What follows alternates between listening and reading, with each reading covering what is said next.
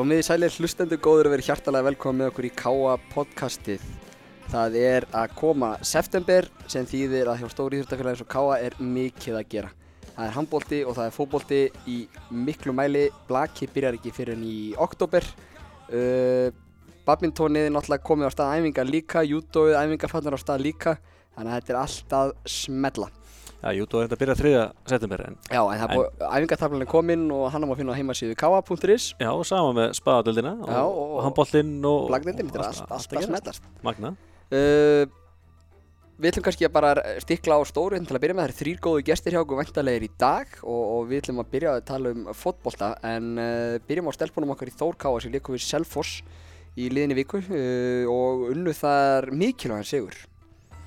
Já, bara ég, svona hættulegu leikur eiginlega eins og FA-leikurinn þar á undan Mm -hmm. sérstaklega því að liðin gerði það 0-0 léttefli fyrir í sumar en byrjir var frábæð Sandra Maria þarna- Annari mínuti eða eitthvað, ekki? frábært mark og, og gerði þetta það að verkum að Selfoss gæti ekki leiði tilbaka allan tíman og léttist við pressuna þó að staðan var 1-0 full lengi Já. Og 1-0 við minnsta fórustar eins og við vitum og, en, en við kláruðum þetta með stæl og, og, og, höldum pressu á blikonum í eftir sæti deildarinnar. Já, já, þessi leikvönda skiptir bara öllu máli. Að núna er alltaf framöndan leikur móti blikum Mm sem er alltaf bara ústa leikur. Já, við erum búin að tala lengi um blikaleg. Já, væga sagt. Og hann sé beðið mikilvæg eftirvætningu hann er á lögadaginn 8. september í Kópói mm og, og, og þann leik ef við ætlum að verða íslumeistarar annar ári í röð verðum að vinna. Bara algjörlega hannig, bara þetta er ústa leikur fyrir okkur. Blikandi geta haldið jættabilinu og haldið þessum að tekja stiga fórskoti á okkur En við verðum að vinna hann leik en svo má ekki gleyma því að við eigum svo í kjölfari eigum við val og svo stjörnuna útíðvilli lokaumferð sko. þetta, þetta eru, sko, ef þú einhvern veginn tala um erfitt, erfitt leikjaplan þá er það alltaf klálega þarna sko. Já, og, og þess á milli spilum við Wolfsburg Já, þannig að það eru, það eru rísa mánuði framöndan hjá stelpunum og, og, og, og við tristum Donna fullkóla til að halda rétt á spöðunum. Uh, það er pása núna um helgina út af landsliðinu fullur lögadalsvöllur Ísland-Tískaland lögadaginn 1. september og þar við, þar eigum við fulltrúa og vonandi bara fá þær að spreita sig Sandra Maria og Anna Rakel. Já, og, og það náttúrulega væri sturlað að hérna að- að að vinna þann leik. Já, alltaf sko ég ætla samt að vera alveg, alveg rólegur. Ég, ég ætla að vona að liði stefni á jættiblið Já. af því að ég sko Þískald er svo svakalegt lið að, að vinna þeir í báðum leikjum held ég að sé bara er bara mjög órunnheft bara sko með fullrifingu þetta geggja lið sem við erum með sko. Mm. að, að, því að, að því að við erum með þetta í höndum okkur sko. Ef við náum jættiblinu þá þurfum við að klára tjekkana í leiknum þar á eftir sem er held ég fjórða september. Og þá erum við búin að vinna reyðin sko. Þannig að við erum ekki, ekki að taka ómikla sensa í þessum Þísklandsleik þó auðvitað við vinnum hann, þá er- þá þetta klárt. En, en enni Freyr náttúrulega er mjög klár í sínu starfi og Já, já. hann vantalega gerir þetta hárétt Það við treystum honum til þess, nú svipað ætlum að treysta Donna til að stýra þessu Þór Kávalið áfram. Uh, uh, hérna, leikurinn á móti Wolfsburg verður síðan miðvikudaginn 12. september á Þórsvelli. Já, kláðan hálf fimm Já, uh, upp á byrtu skilir þá er það bara skil, skildað frá Júfa að spila hann það. Og við bara náttúrulega hvetjum alla akkuringa til að taka daginn frá og fylla Þórsvöll. Það ég held að þessi leifilegur áhörndafjöldi mjög hára þessum leik upp á það að gera það má sitt í stúkunni. Já, Það sem er einhver 900 sæti eða eitthvað. 980 maður rétt Já, og svo má vera í grassballunum held ég, sé komið leiði hjá því hjá KFC og Júfa Já, skilst það og þá getur völlurinn tekið 83.000 manns. Já, skilst það sem talaði um svona 2000 slétt í grasið Já. Þetta er já, 2980 til að vera nákvæmur Já, og það er þá langstæsti fótballtaleikur sumarsins á Akureyri í áhörndafjölda. Já, og líka bara veist Þetta er svo risa stórt dæmi, þetta er Wolfsburg, þetta er Þýskalandsmeistari, þetta Mhm. er byggamestari í Þýskalandi, það er fór í úrslit í mestaröldinni. Mm -hmm. Þú veist, ef þú ætlar einnig að fara á farðu það- á þennan leik. Já, það er bara svoleiðist. Það, það er ég, hérna, ég sá það spila gegn Líón í úslit meistardildarinnar í fyrra sem Líón vann reyndar eh, í framlengingu nokkuð öruglega, eins öruggt og hægt er að vinna í framlengingu. En, en, en þetta er náttúrulega bara geggja dæmi að fá að mæta þeim og stelpunar okkar að bera sér saman við stærstu stjörnur alheimsins í fótbollta. já, og líka bara geggja líka, við erum alltaf með stjörnu í Wolfsburg, Sara Björk Gunnarsdóttir, Mhm. mm -hmm. það er ekki, ekki svona kryddar þetta líka ennþá meira, sko. Nákvæmlega. Þannig að ég byrði allavega bara líka að taka strax aðeins daginn frá að því að, að margir eru að vinna til klúma 5, Mm þannig að passa það að ná leiknum. Já, það þyrti miðað við allavega stemmingun og fyrir leiknum að þá er alveg eins og víst að menn þurfa að mæta tímanlega til að fá bara stæ- sæti í stúkunni ef að menn ætla sér það og, og hérna bara vera ekki í hverju miðarsölu röð þegar leikurinn flaut þar á því að þetta er, er risa dæmi. Nákvæmlega. Uh, strákanir, Káa uh, spila gegn Víkingar Reykjavík á heimavelli Hamingjunar síðasta lögadag og leit mjög vel út framan af. Já, þetta, já, stemdi í góðan sigur lengi vel, tvönu lifir og, og spila með flott, Mörk frá Alsendi Trínsits og hérna, aldrei umar, já, gott að því var stólið bara úr mig hérna á þessari sekundu en Trínsits skoraði raukarspinnu og Grímsits skoraði úr tegnum, bara vel gert og, Nákvæmlega. og það var ekkert í, í spilunum að við værum að fara að missa þetta í jættafli. nei, en kannski sýnir sig þessu leik hvað Bjarni Mark Antonsson hefur verið ótrúlega mikilvæg fyrir okkur, hann fær hann högg á hausinn, þarf að fara út af, Mm -hmm. kjölfæri alltaf kemur Hallgrimur Jónasson mjög jákvæmt inn, Já. en hann eðlilega vill túfa kannski ekki hrefla við vördinni, hún búið að vera solid, Mm -hmm. þannig að Hallgrimur kemur inn á Miðuna. miðjuna já, og Ekki, Svo- það, ekki það að Hatti hafa eitthvað- átt erfitt uppdráttar, sko. Nei, nei, alls ekki, en ka- kannski veist, hann kannski ekki vanur að vera í þessari stöðu og kemur líka veist, inn, búin að vera frá svona tíma núna Mm. og kannski riðlar aðeins leiktum með okkur Ég, og það er náttúrulega að benda á marga hluti eins og mér sem við dottið á aftarlega og hitt og þetta en Víkingandur sköpuðu sér ekkert. Við- við- Það er ekki eins og við höfum verið að þeir hafi vaðið í dauðafærum, það hafa bara verið tímaspilsmál hverjum myndir skora. Þeir skoraði þarna mörk á 81. eða annari eða eitthvað og svo í uppbót tíma og rétt á undan markinu uppbót tíma við fengið ákjóðslega tækifæri tvö til að vinna leikinn og þetta svíður. já, já, algjörlega ég er nú ekki mjög tilfællingar að vera í, í þessu, ég fer ekki, rosalega hátt upp, rosalega látt niður en ég ekki, ég var mjög, mjög reyður Mhm. eftir þetta, Já. það var mjög sárt Þetta var mjög sárt og annar leikurinn á stundum tíma sem við erum að tapa niður tveimur stigum í uppbót tíma. Já, og bara því miður, þetta er að kosta okkur það að við, Európa keppnin er bara farin, ég held bara, Mm. séum bara hreint út því miður Það verður sjö stigum frá Europasætti eins og er svo lengi, hérna, hvað vorum við 30 stig og við erum 23 og, og við eigum náttúrulega eftir prógram sem hljóðar upp á Grindavík heima, Val heima og Breiðablík og stjórnum úti. sem að bara því miður, það er bara mjög erfitt að fá fullt hús út úr þeim leikjum. Mm. en menna, við bara sjáum til bara hvað sumar gefur okkur. En, en fyrirfram svo sem káfa ekki að fara í Európa-setti held ég, þó að menn hafa ekki sjálf verið bjarsinir margir hverju en bara maður raunsett á þetta, við erum með minni hópættur um mörg mörg lið og, og lendum í meðslavandræðum og bara það er erfitt Gríðarlega óöfnum meðsli í sumar ef við horfum bara hreint út að Kristján Martínez, markmann sem við fengið frá Viking Ólafsvík, hann missir af, hann er búinn að missa af hvað, sex leikjum núna og missir það sem eftir af tíðanbílunum, búinn að fara í aðgerðan hér. Þannig að hann missir næstu að helmingum af tíðanbílunu og, og, en aftur á móti það er að skila því að Aron Eli Gíslason er komin í auðvitað einslandsliði. Já, það er bara algjörlega frábær nýtt að þekka fyrir Já, já. Milan Joksimovic missir það fyrstu þreymur leikjunum í sumar og Hjörvar uh, Sigurðsson far séns og, og stendur sér vel. mm -hmm. Þannig að það er ákveðin leikurinn sem skapast þar fyrir Hjörvar. Uh, Steinþór Freyr hefur ekki verið heill í allt sumar. Uh, Guðmann Þórisson nær ekki nema 8-9 leikjum í sumar.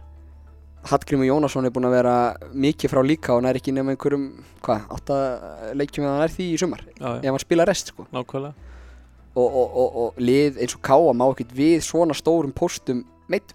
Nei, alls ekki og búin svo bætið við líka Hallgrímur Mar hefur líka verið í svona vesenni þó að hann sé búin að spila alla, leiki sko. Mm. en, en já, alltaf það fyrir hann að tala um að K.A.R. með stekkast að miðvarapar deildarinnar og það allt Já, þeir hafa lítið spilað saman já, bara eiginlega ekki neitt. já, þannig að það bara það auðvitað bara reytir mikið fórsendu sumasins bara Já, já, og hann græði við að vera með okkar besta Callum Williams því að hann Já. er búinn að vera frábær í sumar. nákvæmlega, talaði, talaði ekki margir um Callum fyrir sumar en vá hvað Callum er búin að vera frábær Já, ég held að við séum ekki, séum ekki að draga frá neinum þegar við segjum að Callum sé búinn að standa sig gríðarlega vel í sumar og vera bara með betri leikmenn liss. já, svona, ég segja bara hreint út mér finnst Callum, Danni, Bjarni Mark og Áskir okkar svona fjórir bestur í sumar Mm ég, ég get alveg tekið um þetta. Að öðrum ólöstuðum, sko, Já, já. ekki, ekki, ekki, ekki að gaggrina aðra en þeir hafa staðið sig gríðarlega vel Mhm. og, og, og, og líka gaman að því að þú veist, fyrir sumarið, það voru þarna þrýr af þessum fjórum sem enginn kannski reiknaði með að yrði þú veist, með bestu mönnum ká í sumar. Já, já, þannig að, að hérna, ég veit mér þess að, að þeir í Pepsi-mörkunum stiltu Bjarnar Markum í vinstri bakverði möguleg hugsanlegt byrjunlega hjá Káa í fyrsta leik á móti hérna fjölni. Já. En hann er alltaf bara búinn að spila svo kongur á miðinni Já, hann var smá flakkan í byrjun tíðabils en, Mhm. en búin að finna sig virkilega vel á miðinni og Já.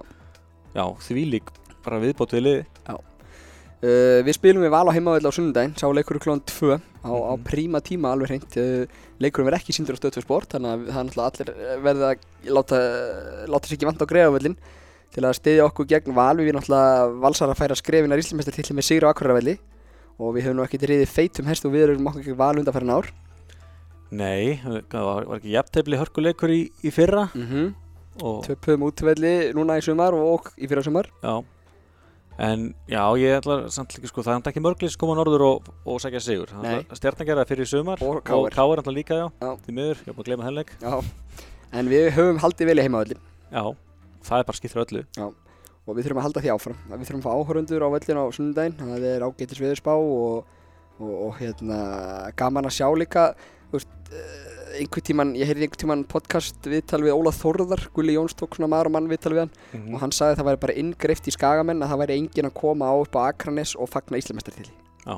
og það er engin að fara að koma norður til Akureyri, ég veit að Valsmenn verði ekki Íslamestar þó þau vinni á, á, á, á nei, en þeir færa skrefi nær og, og svo eigum við náttúrulega eftir að spila við stjörnuna á Samsung-vellinum þar á eftir, miðugudegi, það færist út af bygghástalegnum og, og svo eftir að spila við Blíka í síðustíð frá Kópavóðsvellir sem eru, þetta eru þrjú lið sem að leiða kaplöpu um Íslandmættartitilin þó að valsmenn séu með þryggjastega fórhald á tóttum en það væri gaman að vera það lið sem gæti einmitt e, svo ég sletti fokkað upp Já. svo kallar í baróttu bara með að taka stigaðum með að vinna það nákvæmlega en það, ég vil alls ekki að það standi í sögubókunum að þetta lið var Íslandsmættri eftir Sigur á Káa. Nei, það er búið að gerast einu sinni. Já. Og við ætlum ekki að láta það gerast aftur þegar uh, upphafa stórveldi FH varð uh, 2004 því miður. það var bara þannig og hérna FH-ingar eiga okkur margt að þakka. En við reyndar, svona sem við gleyma því stundum en vikunni eftir þann leik þá hefndu við fyrir tapið, unnum FH í undáðsli byggas Já, Það var mjög jákvætt. Já, en við unnum samt ekki byggarinn við töpum fyrir kemla ekki Því miður. En það var mjög skemmtilegt samt að, karaterinni mönnum þá 2004 að að hefna fyrir því að FH með geggja lið þessum var Já, já, engin spurning, þannig að var Emil Hallfriðsson að stýra fyrst skriða heimi Guðjónsson var fyrirliði og, og Óli Jó að þjálfa og þetta var bara geggja lið og, og náttúrulega það sem ég, kannski eftirminnilegast fyrir mig fyrir þennan leik, náttúrulega, vorum bara krakkar 14-15 ára það var að F-fáingar fylltu stúkun Akureyri. Já, það er gjössalega smekk fylltu stúkun Akureyri með blís og læti og hafa geggið stemming á þessum leik og, og þegar vel að sérinu komið, að já og að Já, brjóta tána á Gunnanella, það kannski getur sjálfur sem kæntir þetta en, en, en hérna, uh, þetta, uh, við ætlum ekki að hleypa þessu upp í einhverja vittlesu hérna á Akureyravelli gegn val á sunnudaginn, heldur ætlum við bara hreinlega að mæta sterkur liði og hart með hörðu og vinna hennar leik á sunnudaginn. Algjörlega, það er mjög spennandi Og í tilefni þess ætlum við að fá einn meitasta leikmann sumarsins, Guðmann Þórisson í spjallil okkar, við skulum heyra hvað Guðmann hefur að segja. Hjá okkur er sestur engin annar en Guðmann Þórisson, fyrirliði K.A. í fótbolta, heill og sæl Guðmann. Hafa, ekki heill. Gaman að sjá þig. Heyrðu, við skulum bara byrja það sem kannski brennur á flestum. Hvernig er staðan á Guðmanni Þóris? Herðu, hún er bara að verða betur og betri. Já.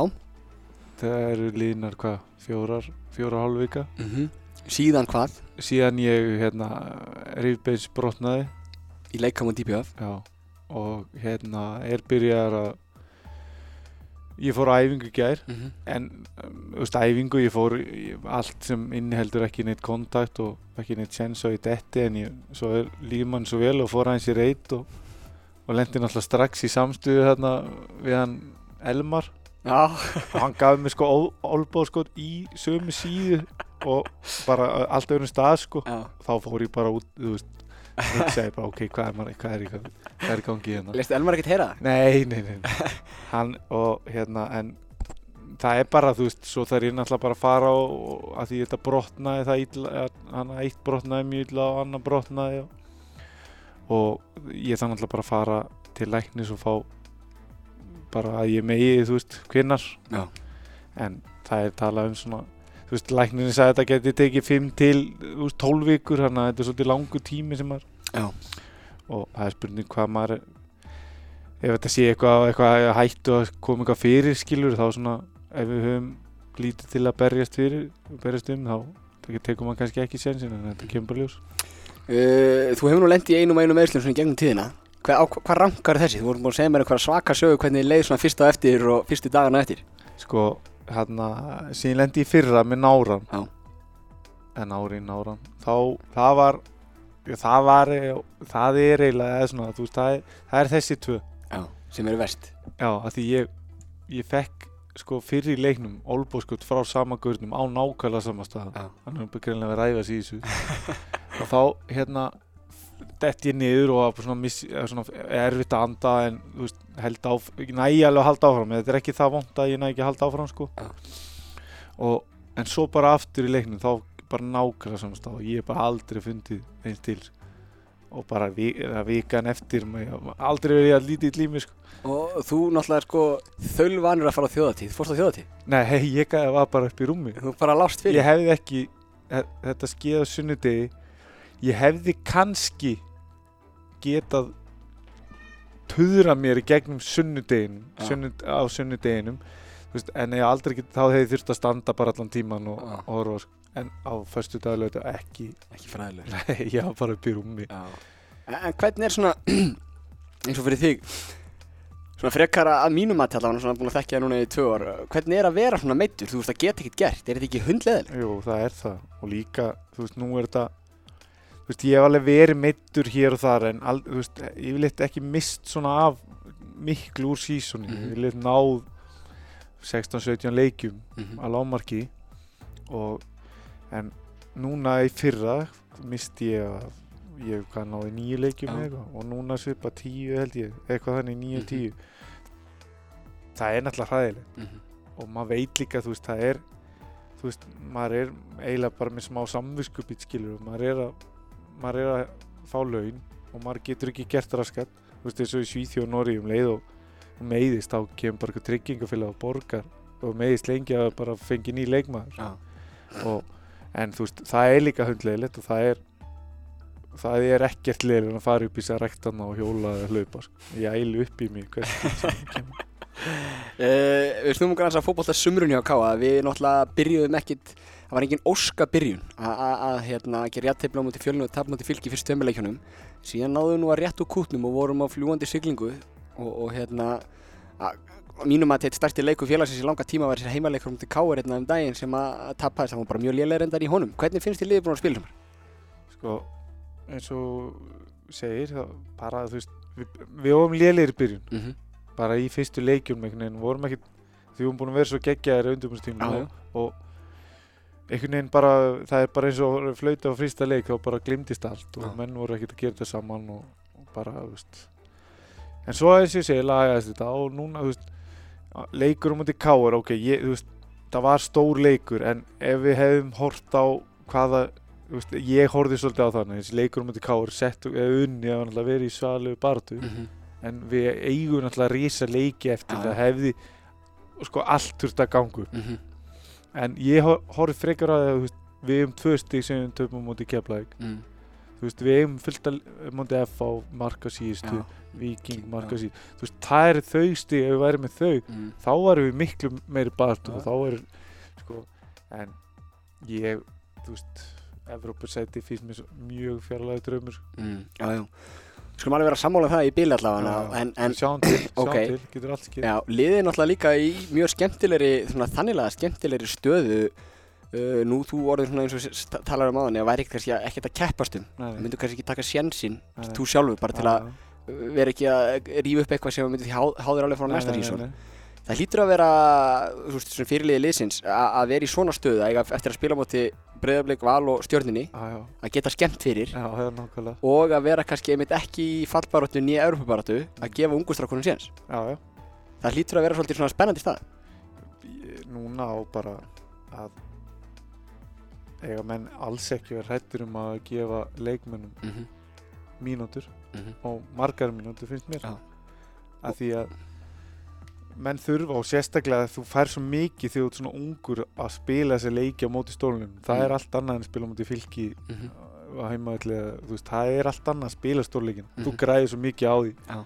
og það álíka sést bara hvort þú sért Klárið ekki klárið ekki Og hvernig finnst þér núna einmitt hérna búin að vera í káa þriðja sumarið og, og hérna uh, nú er að koma upp svona leikmenn veist, Danni Hafstins búin að spila vel í sumar við erum með þrjá í U21 liðinu Já, já. og þú náttúrulega spilaði sjálfur fyrir U21 lið Já, já. og það hlýtur að gefa mönnum eitthvað Já, bara ég þetta þeir eru búin að vinna fyrir þessu mm. og Danni og ég maður sá bara strax þegar hann byrjaði að með okkur bara þetta verið alveg leikmaður Já. datt svona aðeins niður í fyrra en Mm. er búin að vera mjög góður sumar og verði bara betur og betri Já. Og Aron ég er náttúrulega ekkert hvað ruggli hann var í hérna fyrir nokkur veist, hva- var þetta, veist, hvað er hann? Var hann ekki að æfa mark? Nei, hann hefði fótbolta, bara sérst sem útilegmaður og, og, og var sérni í handbólta, var mjög efnileg í handbólta í marki? Nei, nú, og hérna svo fór hann svolítið hann leittist eitthvað í handbóltanum, fór í golf mjög góður í golfi, fór hann í þrjá í fórgjöf eða eitthvað. Var spík feitu svo? Já, ég bætti aðeins á sig. Spík feitu hann síndi mér eitthvað mynda það? hann var bara illa feitur á hann talandum að bæta á sig. Já. Hefur þú séð Kristján Martínez, hann var einu sinni 120 kíló. Já, það sést líka svolítið á malla kútum á hann Hann er ekki 120 kíló í dag. Nei, alls, hann Nei. er 60 kíló. Já, en, en svo er Aron sem svona fenginn Þú veist, kemur aftur inn eitthvað inn í annar flokk svona félagslegt dæmi og bara Það er sagan sko Veist, það samt, þú veist, ef ég myndi bara ákveða öðrum flokki hérna, ég ætla að fara í mark, þú veist, það myndi ég hle- hleyja, hann Já. lítur einhvern tímann, Það getur, svo sett ekki hvort hafi Nei. verið einhverjum yngri flokkum Þetta er í marki, þetta er góð saga já, ég meina, þú veist, þegar Aron byrjaði að æfa með ykkur, þá var ég bara, hvað gaur er þetta? Þú veist, þá er ég að segja hversu miklum framförum hann er búinn að taka. mm. Þá var maður bara svona, þú veist, maður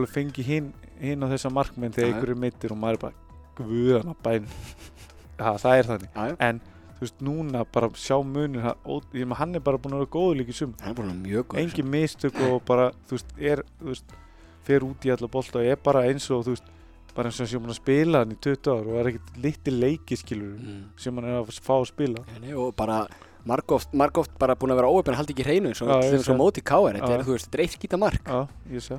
Eitthvað sem hann gæti ekkert gert í. Nei, nákvæmlega uh, Nú það kannski hérna uh, svona, hvernig myndir vilja sjá liði klára þetta, þú veist, eins og segi við eigum erfitt prógram, við eigum þessa, þessi þrjú topplið eftir, síðan ef við eftir að spila grindaðið aftur og, og, og hérna og uh, já, það er fjóruleikir eftir, þannig, að- það er þessi fjórir Ég bara, við hefum alltaf gefið stóru liðunum leik Mm. í nánast öll síðan ég kom. Mm. Alltaf verið svona, við hefum gefið þeim alveg leik. Ég vil sjá það áfram. Og við erum með þannig lið, ef við spilum okkar leik og allir veist, eru með, eða flestir eru Mhm. með, þá, eig, þá getum við alveg unnið þessi lið, sko. Já. En það verður náttúrulega erfitt.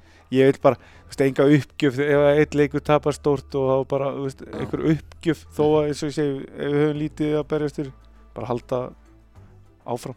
Akkurat Og lokum, hvað ætlar hérna hvernig er staðan á þér fyrir næsta sísón? Er, er eitthvað farið út á samningsári? Er eitthvað e, getum við búist þess að guðmann áfram í gulu eða þetta er bara, er bara tíminlega ljós og meðsli á hana? Já, já, tíminn, ég er, hef allt opið og eins og ég sagði, þú veist, ég hef eftir að skoða meira núna -hmm. í bænum að því, þú veist, ég hafa verið kærustu og svona aðeins að meira lokka mig en, en ég, ég alltaf sagt, líður hrikalega vel á Akureyri og, og geti alveg séð mig að vera lengur en Þú getur meld með þessu jafnvel fyrir aðra leikmenn að já, koma og orða- algjörlega. Og ég hef reynd að tala við þessa pappakassi sem Káa er búin að reyna að fá Já. og segja þeim þú veist að ég mest að bæja rotta á landinu plumma mig hrikalega vel hérna. Og það allir bara, já, þú- það þú- þú er einhvern veginn enginn að koma, þetta er Já. ótrúlegt Guðmann, takk hjá fyrir að koma í K podcasti. Það var lítið, Já, við hérna vonum, það var náttúrulega stórkostlega gaman að sjá þig á vellinum kannski eitt leik eitt leik eitt tól Já, leiki, sjá þig bleikaleiknum í, í lók mánaðarins og getur komið beint á lokóf rétt Takk fyrir Guðmann það sem lýst Já, Guðmann Þórisson, hann er ekki eins og fólk er flest þegar kemur, kemur að viðtölum Nei, svo sannlega. Hann kemur uh, eins og hann er klædið til dýra og, og ég hef gaman að því og hann er bara góður strákur. Það er hérna, ég er búin að fá að kynast honum ákveðlega á þessum tveim og hálfu ári sem hann er búin að vera hjá okkur og æðislega góður strákur. Frábæk hættir. við ætlum að snúa vörð í sókn og fara að tala um handbólta. Það er styttist óðum í tímabili og það er ekki nema réttur rúmið tíu dagar í fyrsta leik Mm hjá strákunum. Já. Og það var heldur betur handbólta veisla um helgina, liðna helgi í Káahemilinu þegar norrlænska greiðamóti fór fram. -hmm. Það voru spilaði hvað einhverjir 13, 12-13 leikir í K.M.linu, ekki satt? Við minnið það. Jú, það var uh, eitthvað, eitthvað svoleiðis. Uh, ef við byrjum á kvennamegin að þá komu hingað norður í land í IR og afturölding og K.A. Þór teldur hún tveimilum, K.A. Þór og K.A. Þór U. sem var fyrsti leikum mótsins Mhm. Káa Þór, Káa Þóru og, og þar höfðu eldur stelpunar uh, sigur og bítum eftir nokkuð svona örugan framistu, yngri stelpunar reyndar gáðum ekkert eftir sérstaklega í fyriráleik Já, það var svona játnu fyrstu myndan en svo svona veist eðrilega þá skildi hans leiðir mm og uh, síðan spilar senast uh, daginn eftir á, á, á förstunum spilar sko Káa Þór við IR mm og þar vannst uh, En- 10-11 marka sigur. endaði tíu mörgum Já. en, en það voru, það var hörkuleikur fyrir áleik munna einu, einu hálfleik. Já, ég var að dæma og ég hljóp alveg ógeðslega mikið. En það var gaman að dæma því að þetta var hörku hérna, er með bara hörku fínt lið. Og, og hérna, þær eru að fara að keppi í grilldeldinni og við einhvern veginn svona vorum smá stund að stilla strengina í okkur en keirðum hreinlega yfir þeirri setni og, og vinnum tíu marka sigur í, í, með góðri framistöðu og strax þar á eftir um kvöldi spilaði Uli við afturöldingu og það var líka leikur sem var játnum framan af. Já, bara allan tíman, það endaði í þreymum mörgum og ég lengi vel held ég að Káa Þór U myndi ég bara hafa þetta. Já, en bara mjög framist og greinlegt að það er ágæðis breytt í liðinu. Já, Jónin náttúrulega var að tefla fram hann að tveimur liðum, Káa Þór og Káa Þór U en það náttúrulega var smá samgangur hann á milli, að hann hafi verið með 20 leikmenn yfir helgina sem var að nota í þessum tveimur liðum. Og það var mjög gaman að sjá margar hann unga stelpur eins og hérna landsistelpun okkar Rakelsöru sem að, að hérna var, 16 ára. Já, hún er ekki eins og ára 16 ára, hún er 16 ára í janúar held ég. Já, og veistu, og hún var bara eins og fullari mannir ekki þarna. Já, bara, startaði hægra hotninu hjá aðliðinu og, og spilaði bróðupartur leikjunum hjá auðliðinu líka mm Helga Maria Viðarsdóttir, uh, línu stelpa sem hefur verið svona daðra við 16 ára landsliði Já, uh, fleiri góða, Telma Lísa, Anna Maria uh, Júlia Sóley og svo náttúrulega má ekki gleyma sem eru sko þá eldri stelpunar en að gæsalappa sem eru þá samt bara fætta 99 og 2000 Svala Svavastóttir Una Kara Vítalín sem er að koma aftur í handbólt eftir smá pásu, hún var Já. mjög flott um helgina. Algjörlega og, og Svo hérna, ætla Óluf Mari Hlinsdóttir, hún Já. var valin besti leikmaður mótsins. Hún Já. var alveg geggjöð á mótinu. Og hún er fætt 2000 og Já. hún var að spila náttúrulega bara með aðliðinu mm þannig að, að, að það er ekki endilega gamla stelpur í aðaliðinu en, en náttúrulega uh, við urðum fyrir smá áfætti í vikunni og undan þegar Aldís Ásta Heimisdóttir eina af okkar efnilegustu ristarbrotnar á æfingu. Og Ástís Guðmundsdóttir uh, svona okkar innan gæðslappa fyrsti línumæður svona allavega með, með að við myndist þetta líklegu byrjunliði, hún var ekkert með um helgina vegna axlamesla Já, og, og maður sá það alveg klálega að það vantaði þessar tvo stóru pósta í liði en mér finnst það samt svona framistæðan var, var mjög flott Mhm. og margt jákvætt en já, þetta er þetta mikið högg að missa Aldísi frá já. í svona meðsli Já, og það er bara vonandi að hún verið fljóta að ná sér því að þetta er mikilvæg vetu fyrir hana að fá að spila, þú veist, þetta efnilega stelp og fá að spila svona marga leikjum í góðum liðum, verið í stóru hlutverki og svo náttúrulega eigum við líka inn í hérna, okkar helsta orkubolta í Reykjavík sem að hérna, sýnir okkur stuðning alltaf, það er Ástí Sigurðardóttir. Já, ótrúleg. Já, uh, hún á eftir að spila með liðin í vetu líka og, hérna, hún ætlar aðeins með liðin á laugavatnum helgina, þeir eru að fara í æfinga fyrir á laugavatnum helgina. Mm þannig að við áttum töluvert inn á þessu móti.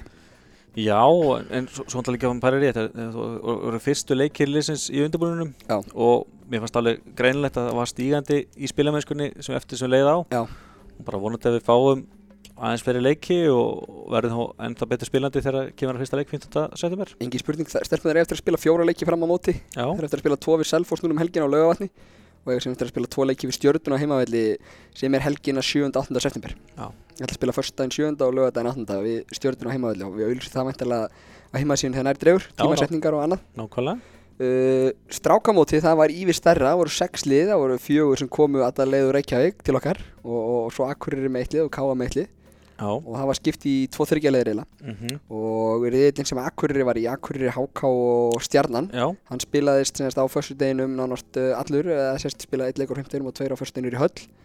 Og þar uh, vann stjarnan það riðil þægilega unnu Akureyri, þægilegan sigur á Akureyri. Já, unnu kom einhverju 26-21 eða maður rétt. Mm -hmm. og svo unnu einhver, einhver 16 marka sigur á HK HK vantilega í deildinu fyrir neðan. Já, en það kom inn sem var rosalega óvart að Akkurir skildi ekki ná að leggja HK já, sáleikum fá jættefli Já, og Akureyri fer upp, uh, spilar semst, þá spilar semst, síðan spiluðu við úrslaleiki stjarnan automatík spilar um fyrst sæti að vinna riðilin og Akureyri spilar um þriða sæti fyrir að uh, með þetta stigsitt og betri markatölu en HK og HK um 15 sæti já, Síðan var upp í Káaheimili sem byrjar á 15. kvöldinu þegar Káa spila við gróttu. Og ég verði eða að segja eins og er að eftir þann leik þá var maður bara, uff, þetta getur verið erfiðu vetur. Ég hætti að hann samt mjög skrítin æfingaleikur Já, það var allt í háaða loft. Grótt með líka gríðarlega fastan handbólta Lit mig virkilega hafa fyrir því Já, En Káa samt sko, veist, jú þetta tapaði sér leikur á endanum með einu marki en það var þann 12 mynda kapli sem Káa skorar ekki mark Mhm. það er bara alltaf dýrt Já. en sko ef, ef ég tekur þann hluta til, til hliðar Mhm.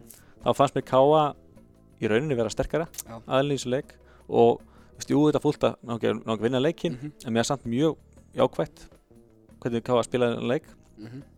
og kannski bara allt í lægi að ná ekki að vinna gróttuna og eiga það bara inni andlega svona setna í vettur að eiga eftir að hætna fyrir þetta sko. já. Uh, við spilum síðan á förstöðinu við IR sem að var svona uh, innan ekki að slappa sigur stránglegasta liði í reylinum okkar uh, Bjarni Fritz náttúrulega með flott lið í höndunum ungt og efnilegt, hann kom með 20 og eitthvað stráka á norður og spilaði sérst við gróttu fyrir á og notaði innan gæðslappa pínu uliði sitt á Já, já. yngri stráka og svona minni spáminn tapaði þeim leik og en sko það var hörkuleikur. Já, það var hörkuleikur. Og sko fyrirfram þá þegar maður svona horfði yfir hópinni á, á IR sko, held ég að, að þetta, verður svona samfærdi á gróttu. En þeir stundu mikið karakter og greinilegt að IR er með svakalega breytt Já. sem maður kannski alveg vissi að einhvern veginn verið svona, svona mikil bjóst ekki við. Mm -hmm. en svo spilaði náttúrulega á rauninni aðaliðinu gegn okkur káamennu. Já. og þar stigu okkar mennu upp heldur betur. Frábær leikur. Já. og, eiginlega stimplað ennþá meira í hausinum manni að mér finnst við erum verið að háréttri leið sammála því og, og hérna, við spilum bara þann leik mjög vel og Sigur sem kom mér á óvart að hann var eiginlega aldrei í hættu. Já, Ha, þú veist, við vorum með einhvern veginn, fannst mér alltaf að vera með þetta. En það er kannski mín upplifun bara úr stúkunni sko, en Nei, ég held að ég sé bara mjög sammálega með þetta. Já. við náðum hann svona tiltölulega þægilegu fórskot og heldum þessu í 2-4 mörgum mm Mhm. all, allan tíman sko. og það gerir það verkum að við spilum um þriðasætti á þessu móti við okkar erki fjendur í Akureyri handbóltafélagi sem er einmitt það lið sem við mætum í fyrsta leiki deild uh, 10. september og sá leik var háður á lögadeinum uh, fyrir um daginn hefðu Gróta og Ír spilað nei, ekki Gróta, HK og ÍR. sem að Ír vann með fyrir ykkar bara mjög samvarandi eðlilega kannski mm og við spilum síðan með Akureyri og sá leik og vanns með hvað 5-6 mörgum 30-25 ef maður rétt fyrir okkur. Og bara aftur mjög góð framistæð hjá liðinu. Og eh, það var hérna jæmt á öllum tölum til að byrja um í stöðun á 6-6 þá kemur góðu kapli í okkur og, og við lítum aldrei tilbaka. Þeir minguðu mest í þrjú mörk held ég setni Já. en við lítum eiginlega aldrei tilbaka og frábær heldaframistæð hjá liðinu í, í þessum tveimur leikingum í og Akureyri. Já, algjörlega. Og og eins og segi, ég finnst að eftir þessa helgi þá finnst mér liðið bara að vera á mjög góðum stað Mhm. og ég er alltaf mjög bjartsinni fyrir tímabili heldur en ég var mm -hmm. þó ég hafi alveg, alveg verið þokkalega bjartsinni sko. þú er nú ekki svartfýtt maður að eldfæri Nei, reyna, reyna að vera það ekki Já. En já, mér er bara ma- margt mjög jákvætt, spilaðinska flott og hérna, vörnin mjög jákvætt settur úr pærir í því, sko, við vorum ekki með Daða Jónsson, Nei. vorum ekki með heima vörn móti, hérna, Akureyri og hérna, Danni Matt, hann veiðist í fyrsta leik og spilaði le- mjög lítið á mótinu. mm -hmm. Þannig eru þrýr hörku gæjar sem við kannski sjáum fyrir okkur í þristunum, sko. mm -hmm. Svo vantaði Alla Norberg sem meittist í fyrirjáleika móti Ír Já, nákvæmlega, búin að vera mjög flott rúmöndu gróttu sem okkar besti maður um gróttu já, markaðastur og bara mjög örugur í sínum framkvæmdum.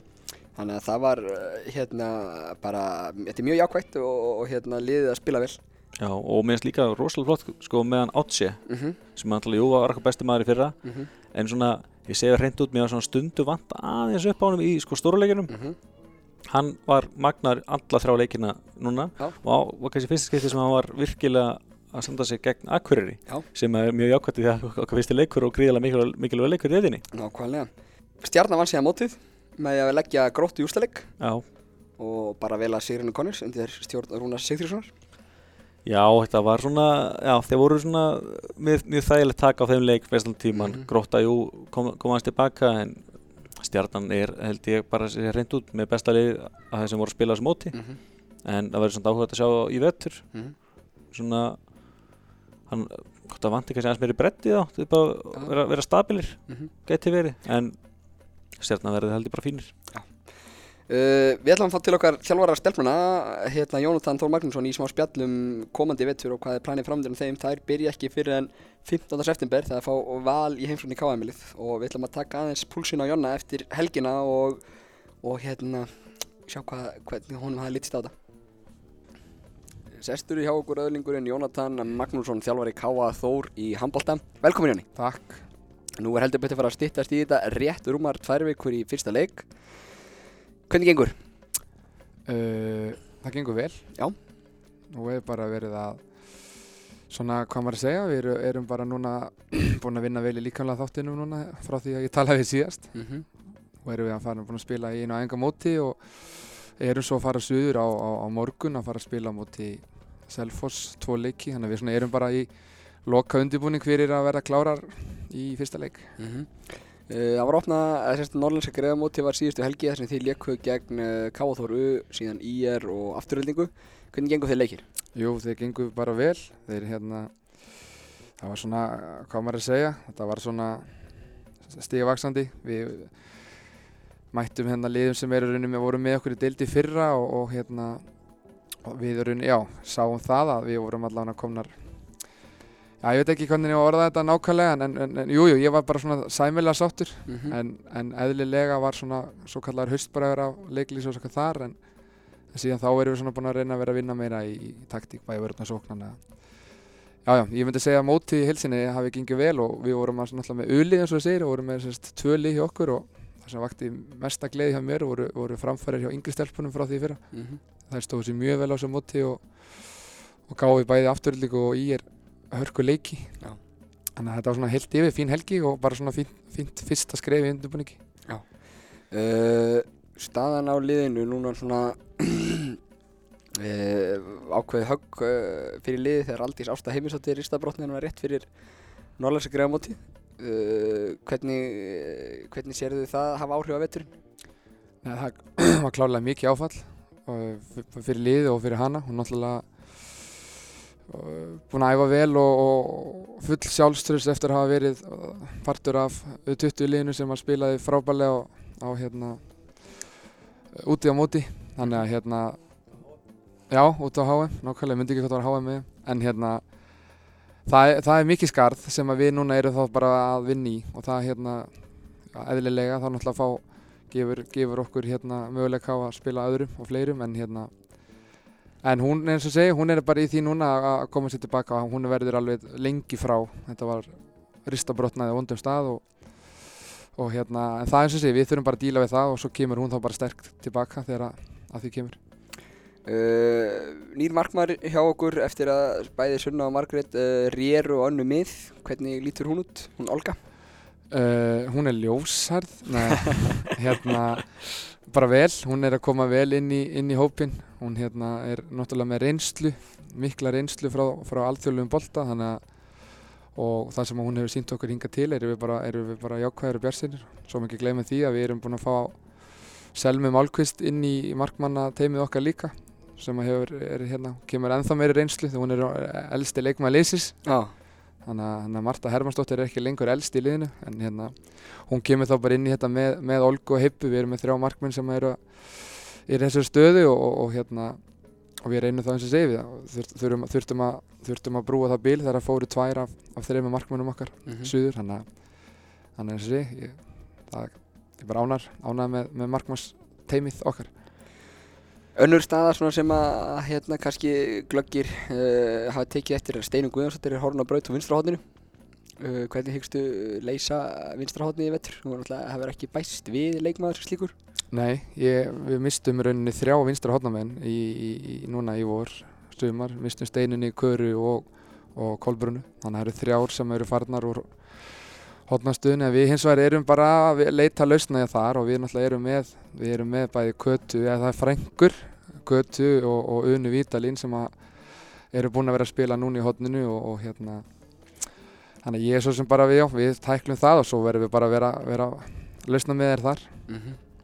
uh, Laugavatn um helgina, spila æfingarleiki við Selfoss og taka æfingar helgi. Hvað er síðan framöndan eftir, eftir þessa æfingarferði? þá förum við, förum við svo förum við heima á æfumæðilega og svo fáum við þess að svona síðustu tvo leikina sem er þá rauninni bara svona hvað maður að segja, svona gerin alveg pröfa fyrir þetta, þá kemur stjarnan stjarnan er, er að koma hérna æfingarferð helgina næ- næstu helgi og þá fáum við tvo leiki við þær þannig að þetta er svona stigvaksandi, Selfoss er með hörkuli í vetur og, og, og stjarnan líka þannig að þarna fáum við ekki minnst að mæla okkur aðeins hverju stöndum og, og, og bara hvað maður að segja að fínpússa hlutina til þess að vera klára svo í, í, í hörkuleik eh, við val sem að eru líta mjög vel út á undirbúinstíðinbili og eru búin að vinna öll liðin held ég veit deildin samfærandi þannig að við fáum við fáum þetta allt í stórt próf þannig að núna eftir hvað er þetta rúman tvær ykkur Mm og deildin í ár er, uh, hún er alltaf að vera sterkar og sterkar deildin en heima er alltaf að koma heim stelpur úr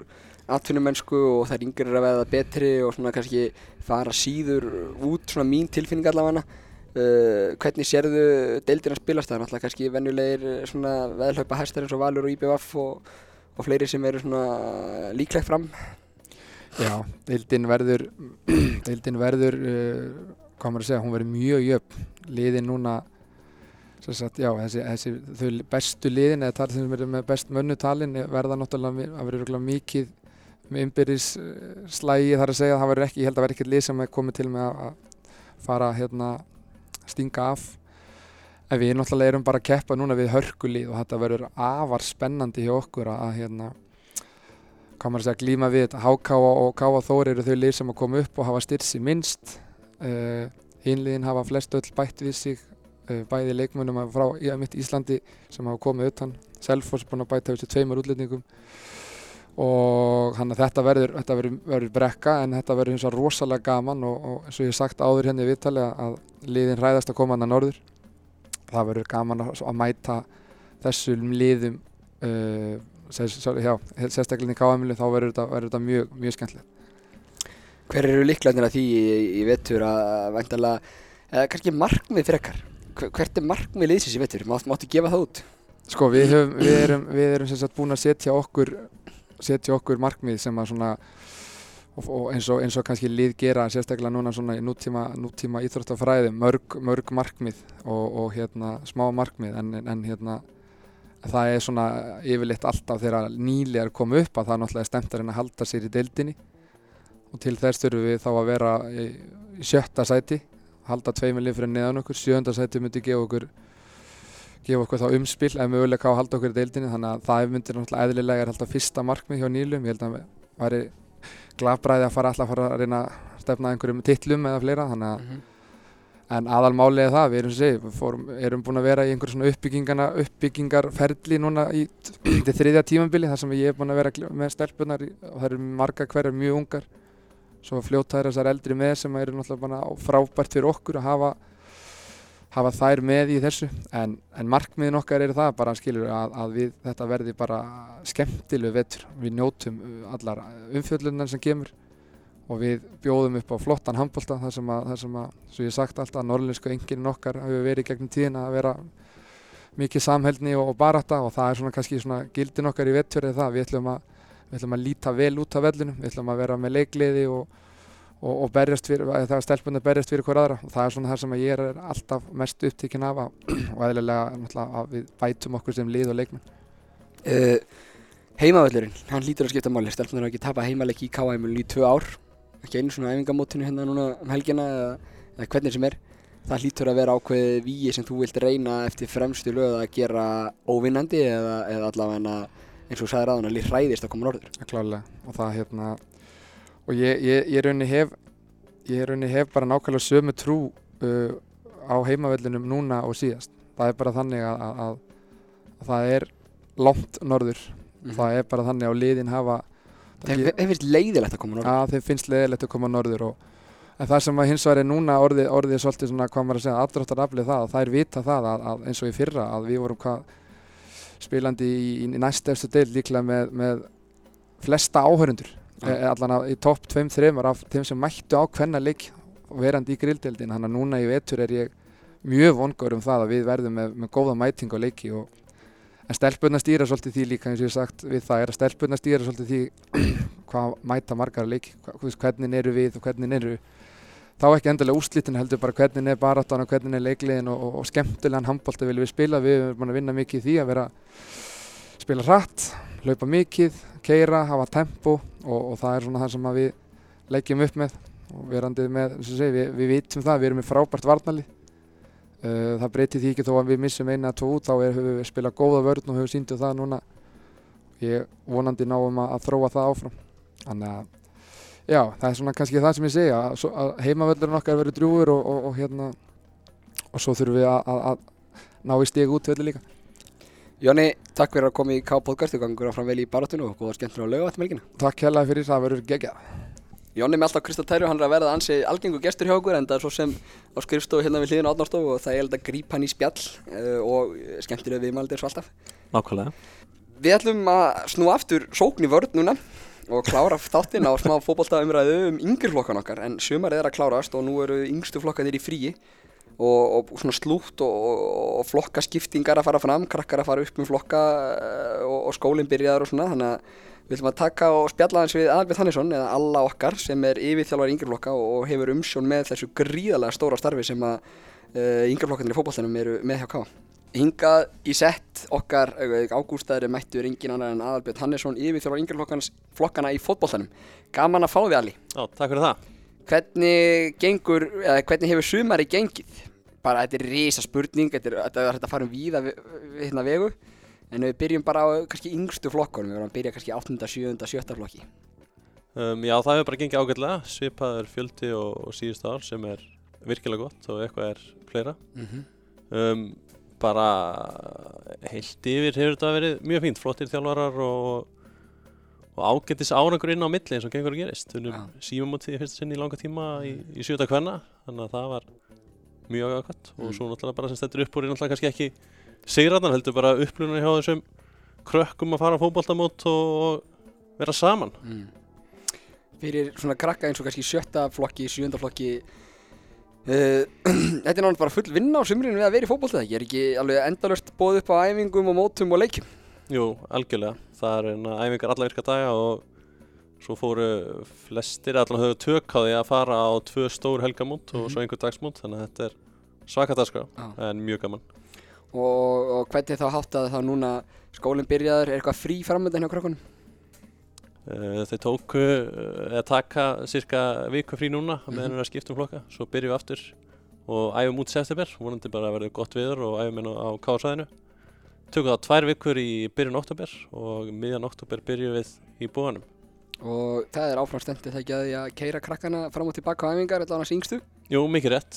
Það er bara nöðsilegt til að geta tengt skólan og frístundina við fótboltan. Þannig að þau séu búin í fótbolta klukkan þrjú eða fjögur og geta að vera heim og, og leiki sér. Frekar heldur en að er það eftir og með öllu því skutli sem fylgir. Þannig að þá er þetta eina vit. Það er náttúrulega magna, magna framtak og þessi út það er náttúrulega að kostnaða lausi fyrir fólkdra. Já, við erum með nokkar fjárbrunir sem að fólkarnir hafa tekið góðan þátt í því eins og bingoðinu í, hvað er, í november Mm -hmm. og stefnum út í þar. Þannig að já, það dekkar þetta svona allan að hluta til. Og þrátt fyrir að fara að hausta hjá okkur og fótballin fari frí að þá er veturinn eh, ekkert minni í rauninni fótballtælega að sé. Þetta er náttúrulega orðið bara heils á sport alveg. Já, algjörlega. Það er, bara 8. lokur sem aðeins tvísar og aðrir flokkar aðeins þrísar til 5 sinnum. Mm -hmm. Þannig að þetta, og rauninni að mínu mati þá er oft læra krakkandi meira um veturinn. Þannig Mhm. að veturinn eru 8-9 mánuðir meðan sumarinn eru 3 mánuðir Mm og, og þess vegna skiptir veturinn alveg gífulega miklu máli ef við ætlum að reyna að taka framfyrir mjög fótballtanum. og, og, og eru það að fá eitthvað leikjum á vetunar? Um, mest megnist bara en að við liðin á Norrlandi Mm -hmm. og svo sem betur fyrir erum við með flott helgamót, annarkvort við eða Þór þar sem að liða öllu landinu koma Mhm. og svo höfum við svolítið verið að fara í eldstu flokkunum söður í eina til tvær æfingarferðir Já.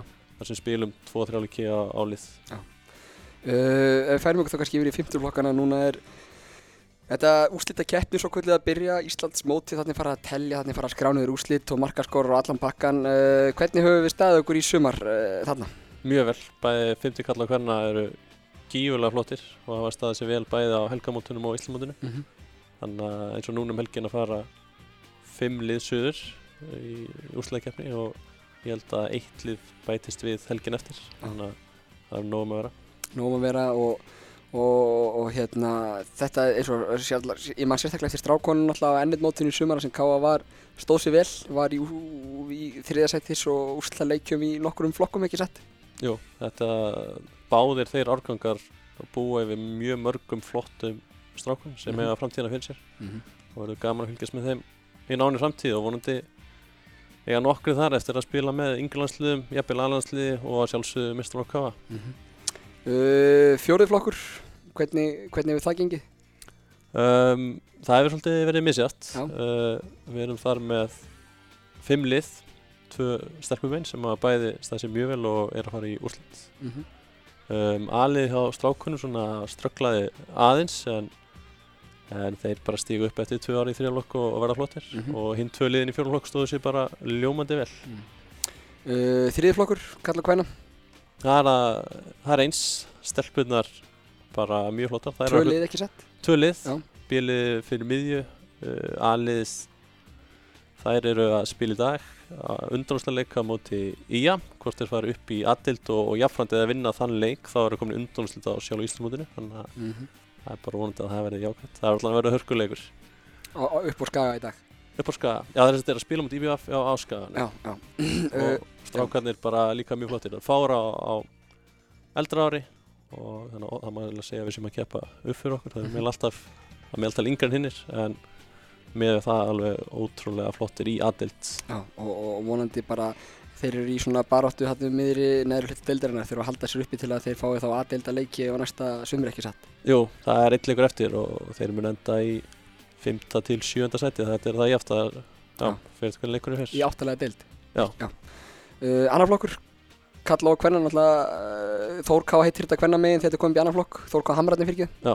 Uh, stelpunar eru búin að standa sig bara mjög vel. Mhm. Þetta er unni margar af bestu stelpunum í öðrum flokk eru að spila með humrunum í fyrstild. Mm -hmm.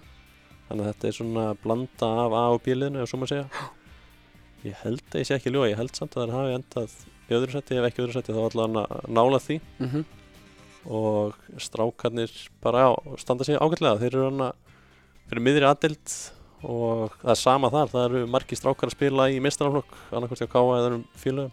Já, s- þá var þetta að tala um Dalvík og Magna. Já, og svo eins og ég fór nú, var í gráðanum í um síðustu helgi og, og þar saði annálugstjálfarinn hjá fjölni, hann hafði aldrei séð betra bílið heldur en hjá okkur, þannig að Mhm. við erum ekki bara með alið heldur, við erum líka með gífulega upplugt bílið sem geti vel ára Íslandsmeistari ef þetta fellur fyrir þeim. Mm Og, og nota bene, við erum með þrjú lið í öðrum kalla.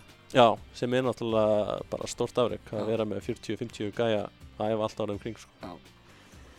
Uh, hvað hérna, hvað getur þú sagt okkur uh, í sambandi við, núna var að vera tilkynna á hópi 21 árs landslíðinu, það er káa með þrjá, við höfum verið að, að fá stelpu verið að dettin í A-landslið hjá okkur uh, og, og auðvitað fleiri og fleiri sem hafa verið að taka þátt í hinnum ýmsu landsliðsverkefni, verið bóða landsæfingar.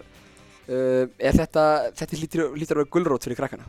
Já, algjörlega og bara því líka fyrirmyndir bara sem að Anna Rakel og, og Sandra Marí eru sem eru núna undirbúið sig fyrir Ísland Þískaland -hmm. Og svo þessi auðvitað einskæjar þeir eru þvílið flottir. Ásker og Danni búin að vera svolítið svona tveira af stjörnum tímabilsins með mestaraflokk og svo náttúrulega Aron Eli bara þvílið tugafar og sem hefur skilað honum þessum árangur af stöðum tíma. Mhm. eða þú veist hann er búin að hefa mark í stöðum tíma en þetta er náttúrulega bara íþróttamaður sem er búin að æfa vel fótbolta, handbolta, golf frá unga aldri og það er að skila sér. Og, og hver er svona uh, það hlýtur að vera mörg hotn að líta fyrir svona yfirþjálfara eins og þig þegar þú ert að gera upp svona sumar eins og núna. Það eru þessi árangur sem við náttúrulega hlupum hérna yfir. En það eru fleiri þættir sem að yfirþjálfari og aðri þjálfar að horfa í þegar það er verið að meta svona sumartæki. Jú, algjörlega og þá eins og ég segi áðan sko, það er rauninni bara að krökkunum líður vel og eru að taka framförum. Mhm. þannig að það sé gott skipulag og annað slíkt og það er á flestum stuðum og, og það, það er þá starfið yfirþjálfarins að að ef eitthvað má betur fara að reyna að gera það. Og það er náttúrulega stefna eins og í vetturinn að reyna að bæta það sem mátti betur fara og bæta í það sem var vel gert. Já. þannig að því stefnan er klálega bara að gera hann betur. Og, og eru við með einhvers konar uh, hérna uh, markmið, eru við með plan um einhver ákveðin árangur eða ákveðin fjölda landslýsmanna eða er þetta bara svona hvernig virkar þetta? um, Nei, við erum svona kannski ekki með skrifa niður hvað nákvæmlega hvað við viljum fá að marka en ég myndi alveg telja eðlilegt að við ættum að vonandi innan tíðar vera kannski með að meðaltali eina stelp og eitt strák í, í hverju markang en það þarf að vinna vel að því að hinn fjölinn eru líka að gera mjög vel Uh, hversu mikilvægt er fyrir stelpunar og strákana að Þór Káa og Káa sé í eftir deild og það er sérstaklega eins og Þór Káa núna að gera ótrúlega góða hluti? Ég held að skipta alveg máli sko, Mhm. að vera með fyrirmyndir í heimabyggð Já. að geta svona, þú veist þau sjá, sjá þess að krakka eða, semst, eða leikmenn bæði mestrús kalla og hvenna hérna út á göttu og æfingarsvæðinu og vellinum og, og svimir náttúrulega þekkja einhvern persónlega, annarkvort út af fjölskylduböndum eða þá að hann er búinn að vinna í, í þjálfun eða skólanum eða Mhm. sem þau eru eða eitthvað. Þannig ég held að það skipti alveg máli. Ali, fótboltasumar að klárast, uh, hvað er framundan? Er, er, er ykkur svona fyrir fótbolta þyrsta, er eitthvað mikið, mikið framundan inn á svæðinu? Já, fjóri kvenna, þeir, þær spila tvo leiki eh, á- í úsleikefni hérna á heimaðalli, Mhm. spila á móti Þór á, á sunnudaginn, klukkan kortir yfir sex. Um, svo spila þær á móti Val, sunnudaginn níunda held ég að sé, í, sem er þá þriði leikur úsleikefni og, og hana, það verður mjög aðtilsvægt að fylgjast með þeim. Mm -hmm. Svo er eh, annar og þriði kalla, þeir eru að klára Íslandsmótið og, og, og bæði þriði, þriði kalla og þriði kvenna eftir að spila byggrústarleik Norrlands, eða Norðausturlands, þannig að það er alveg, það er hellingur framundan þrátt fyrir að sumarinn sé búið hjá flestum miðkvöndum Mhm. félagsins.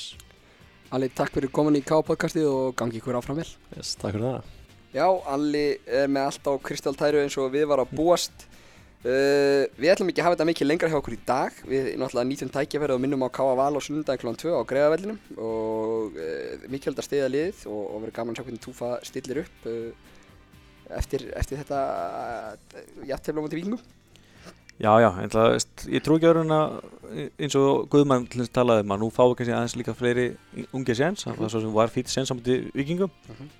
en samt auðvitað bara fara minna fullu í þetta og reyna að sækja þrjú stig Engi spurning. Uh, líka viljum við minna á heimasíðan okkar K.is, hún er stútfull af efni, æfingatöflum, fréttum og öðru slíku, það sem hættir að nálgast allar upplýsingar um allar það íþórtir sem er að fara á stað hjá okkur núna með haustinu, nýja töflu í fótboltanum, handbolta, blag, júdó og, og staðildatöflu. frýtt að koma að prófa, saman hvað íður það er það er um að gera finna sér eitthvað við sitt hæfi Já, nota september í að pröfa þetta sko, Já. það er mikilvægt. ég er, mjög spenntur fyrir að prófa Já, kannski, kannski nóg gammal ég væri flottur í tennisinu, Sigur Óli Djokovic. já, nákvæmlega En við Ágúst Stefánsson þökkum öllum þeim gestur sem hafa komið til okkar í dag kærlega fyrir komuna og við byggjum bara hreinlega að helsa ykkur kæru áhærendur.